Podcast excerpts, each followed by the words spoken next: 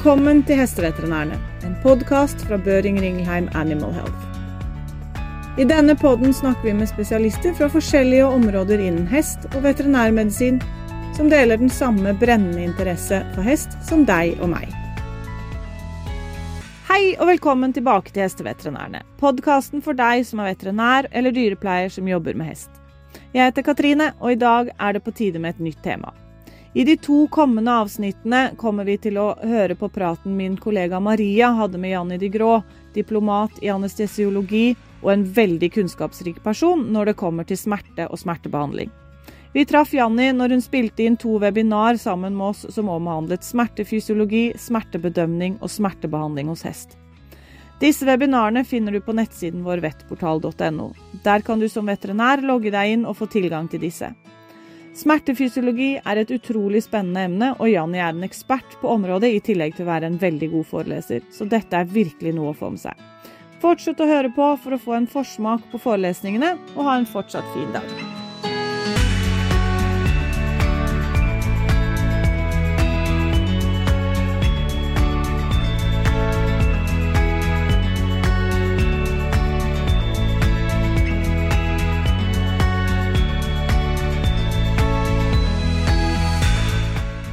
Janny, welcome to the podcast.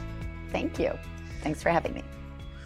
Can you tell us a little bit about yourself? What have you done in the past? Uh, what are you doing at the moment? And uh, what your education, research, so on. Okay, certainly. Um, so my name is Janny de Grauw, and um, I'm a veterinarian by training. Um, and already during my studies, I was very interested in how joint pain, in this case, specifically, was treated um, how we would recognize it and how we could improve these treatments. So that interest during my studies um, led me into a PhD on the topic of equine joint disease. And I was looking particularly for signs of inflammation and tissue turnover and looking for the role of analgesics in um, influencing the joint cavity and the events occurring there. So putting that together um, during my PhD, I already realized that even though I was doing it officially in the orthopedics department, I was much more interested in the inflammatory and pain process.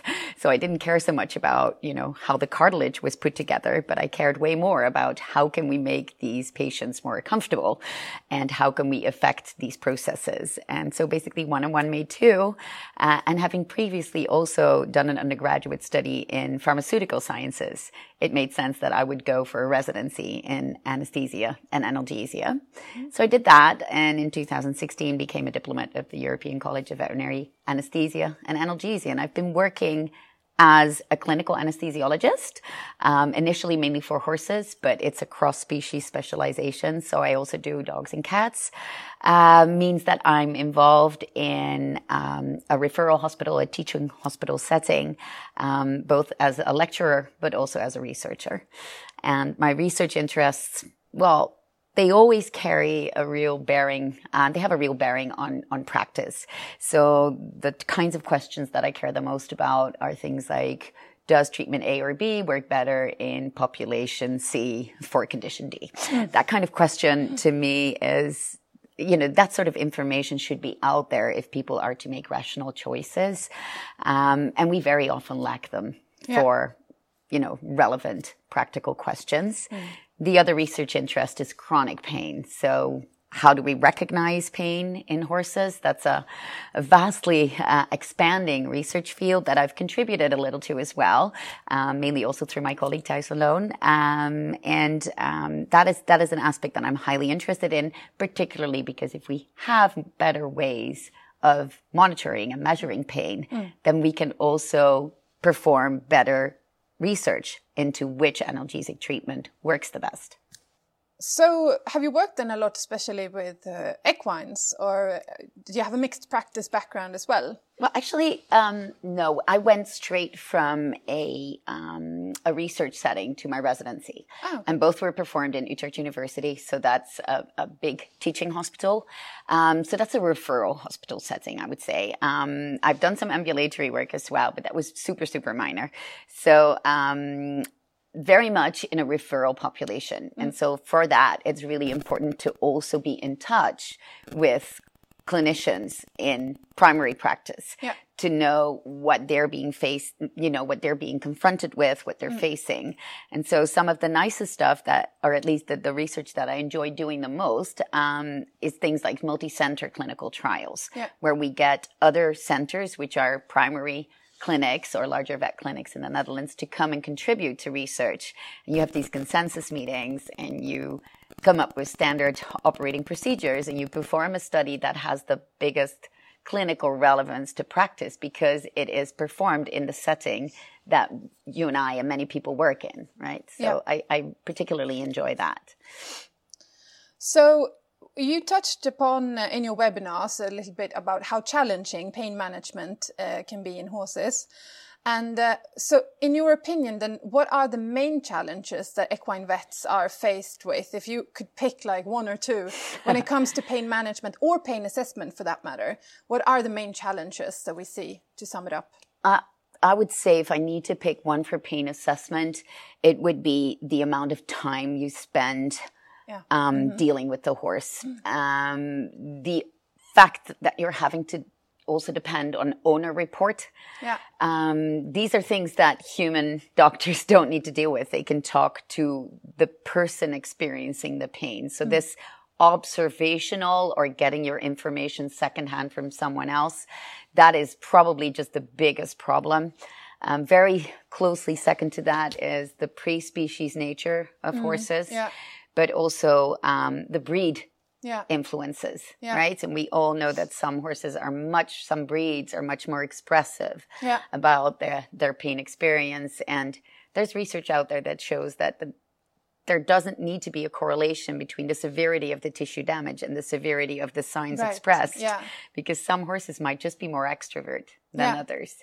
Um, so those are some of the challenges that I would definitely yeah. highlight. And speaking of the breed, do you have some sort of um, approach that you you should have when it comes to, for example, the difference between Icelandic horses and thoroughbreds, for example, how they express pain, or how do you do when uh, assessing a, a, horse that obviously doesn't show that much pain as you probably should, yeah, considering the no, condition? Really, really good question. I think it's it's um, well, the research I just quoted is, is some of the, the, the few clues out there that this is indeed true, mm. um, which many people through regular horsemanship or just dealing with horses on a daily basis for years mm. know mm. um, from experience, right? The Icelandic horse or the Frisian horse that will stand there yeah. Um, looks like it's just maybe gritting its teeth. Um, but it already, I have seen Frisians standing there looking pretty calm when mm. they already had a ruptured stomach. Yeah. And you mm. just think, but this horse is dead yeah. practically. Yeah. Uh, and the other way around, like you say, a thoroughbred or an Arabian horse being super, mm. super expressive about a simple spasmodic colic. Um, so while we don't have any sort of real pointers in terms of, okay, you need to deduct this many points from a pain score if yeah. it's this breed. Mm. We're not there yet. I think it's very wise and clever and only really um, practically informed that practitioners will keep in mind mm. whenever they see an Icelandic horse or draft breed horse that if they are express- expressing subtle signs of pain, yeah. it is much more relevant for you to look at this horse and yeah. consider the likelihood of moderate to severe pain in this animal than it might be in one of the more typically expressive breeds. Now, yeah. I'm a horse is not its breed, yeah, right? Yeah. So uh, we also have very stoic yeah. warm blood horses. Mm. um, so we can't reduce them completely to that, but I would say that is definitely one of the pointers there. And it would be fantastic if we have more work done in larger populations of different breeds definitely. of horses. So when it comes to other uh, differences in in uh, considerations, uh, foals, for example, how do we what do you what do we need to consider when it comes to pain assessment and management? You touched upon the assessment a little bit in your lecture, but um, how how else do they differ from the from the grown ups? Well, it's, yeah, it's a really good one. Uh, one is the influence, obviously, of the mare yeah. and of strange surroundings. Right, a foal is when they're not asleep, mm-hmm. they're exploring and otherwise yeah. they're asleep again, right? Yeah. So you will need multiple moments of monitoring and looking in on this foal because any horse that would be lying down in its stall for a long time mm. would be suspects. But a foal, it can be completely natural behavior, right? It's just resting. So we will need multiple observation moments.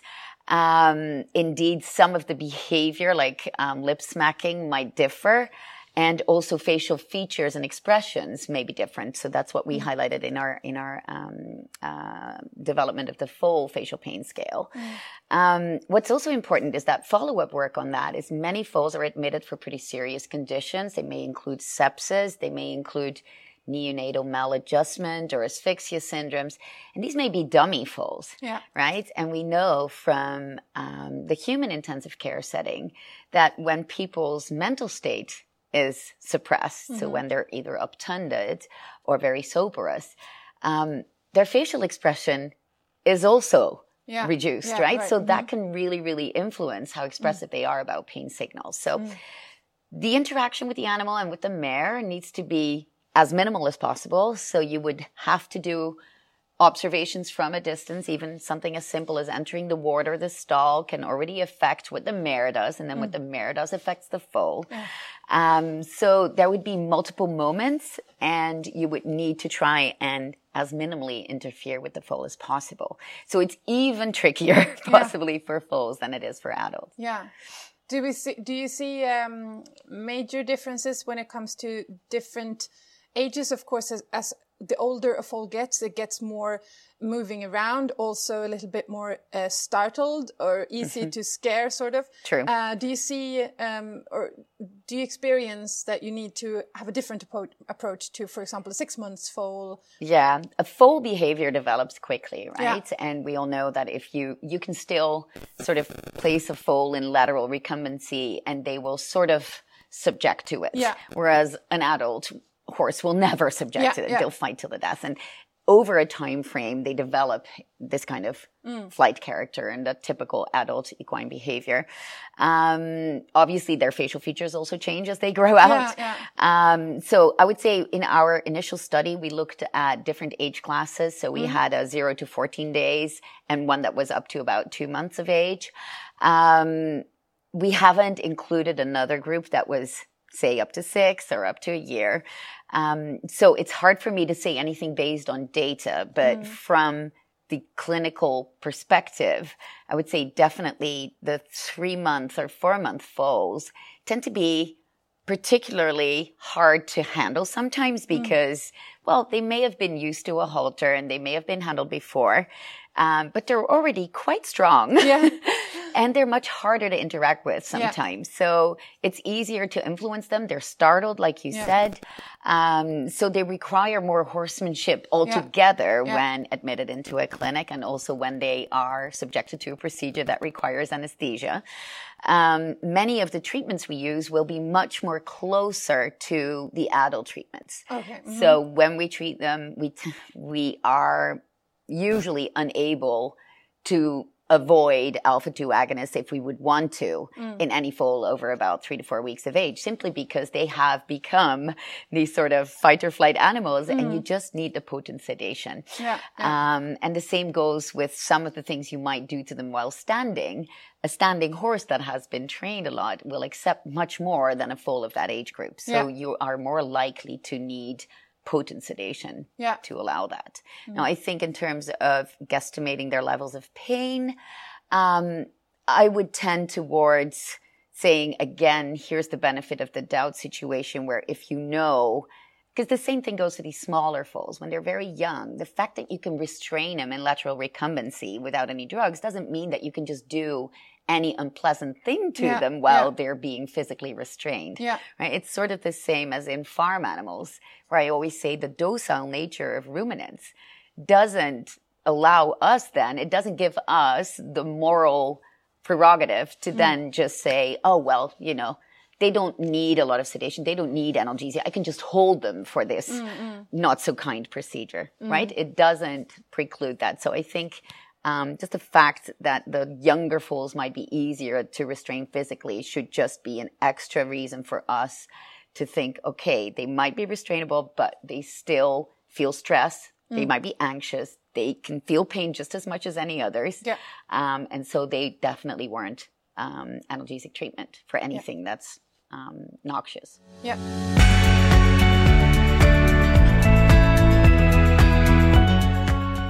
So when it comes to uh, severe pain, we've been talking in your lectures about the pain ladder and the ladder approach to pain uh, treatment. Uh, but what can we do in the cases of severe pain where the condition itself or the disease itself should be manageable, but the pain is that severe that you are considering euthanasia because of that? Uh, what what should your approach be, Yeah. and what um, what should what can we do to optimize pain treatment in these patients? Really, really good question and a very pertinent one because I think these are the most heartbreaking cases sometimes where you think if I can just get this horse through its laminitic episode or if, if I can just get it through a myopathic Yeah. episode, right? If it has horrible myopathy, it might still recover. But if it's just standing there and pawing, pawing with this limb because it cannot load it and the heart rate is 100 and the horse looks horrible and it's sweating, you know, owners and vets alike will tend to think, well, you know, we, we just can't let this go on for this many days. Um, so optimizing pain treatment for these patients, I think up front, we shouldn't um, feel like we failed if we, you know, euthanasia is sometimes the most humane option, hmm. truly. So instead of keeping trying extra drugs, extra drugs, you know, we always need to have the honest discussion hmm. with the owner as well, saying, look, I'm going to try this, this, and this as optimal go in and, and fix this pain. But if we don't see improvement from this point, then we need to have a very serious conversation. And I think it's important that we do this owner expectation management from the beginning. Um, so that, I mean, when we're talking about cases where, you know, sometimes it's a, a mare that's in foal mm. and very near term. Yeah. There will be so much incentive for you to keep that mare alive for it to Yeah. deliver the foal. But if the pain is too severe, it cannot stand anymore or it's not eating, mm. you know, this becomes a serious welfare impairment for the horse. And in those moments, we do also need to speak for the horse. If all of our multimodal strategies that we've tried, mm. um, which have included, you know, local regional whenever possible, opioids if needed, mm. intensive care treatment. I mean, these are horses, I think, where the severity of disease, if you're faced with them in an outpatient setting mm. and you wonder whether the owner has the motivation to go for this, we really should stress the fact that you adding another oral drug is unlikely to Yeah. fix the problem and that you really feel this horse needs to either be admitted for optimal pain um, pain drugs and you know analgesics or the alternative option is to let the horse go which Yeah. is a, a tough conversation to have with an owner um, but i do think we are the um, well the guardians of, of equine welfare and so it, it makes sense to be open about your true you know sort of gut feeling about can we fix this horse? And if i try one or two more things here in the home setting is that likely to going to really improve quality of life for this horse? And if you seriously doubt it or if you think look the pain is too severe to even allow me to try then we need to have the other conversation. Yeah. Um, so when it comes to, uh, you mentioned uh, also in your lectures a few cases that uh, is likely to be seen uh, either in clinic or in, in the field. Um, but when it comes to uh, the severe post-operative colics, um, what's your approach on them? How to manage? Because they can also be very, very painful uh, to the point that you have to put them on the table again because you think that Right. something we, we didn't manage to solve this issue. very true What's your approach on these ones? Well, these are obviously hospitalized patients, right? They will be. Um, so if we if we approach it through a ladder approach, we would say all of our postoperative colics are placed on a non-steroidal, so uh, uh, unless they have a contraindication for it, right? Um, but we would place them on IV fluids, and we would have an NSAID, probably flunixin twice daily, would be our baseline um, option. And on top of that, we would put any strangulating lesion, whether it's small intestinal or large intestinal, on a lidocaine CRI. There's a lot of discussion as to the yes or no of prokinetic effects. Yeah. But what I tend to stress there is that I don't think the gut is all of a sudden going to start moving when I start a lidocaine CRI. Mm. The nice thing is that this drug has anti-inflammatory mm. effects as well as anti-ischemia reperfusion effects. And these kinds of injuries are very common, right, in these strangulating colics. Um, it also reduces the um, dependence on all of the other analgesics possibly. Yeah.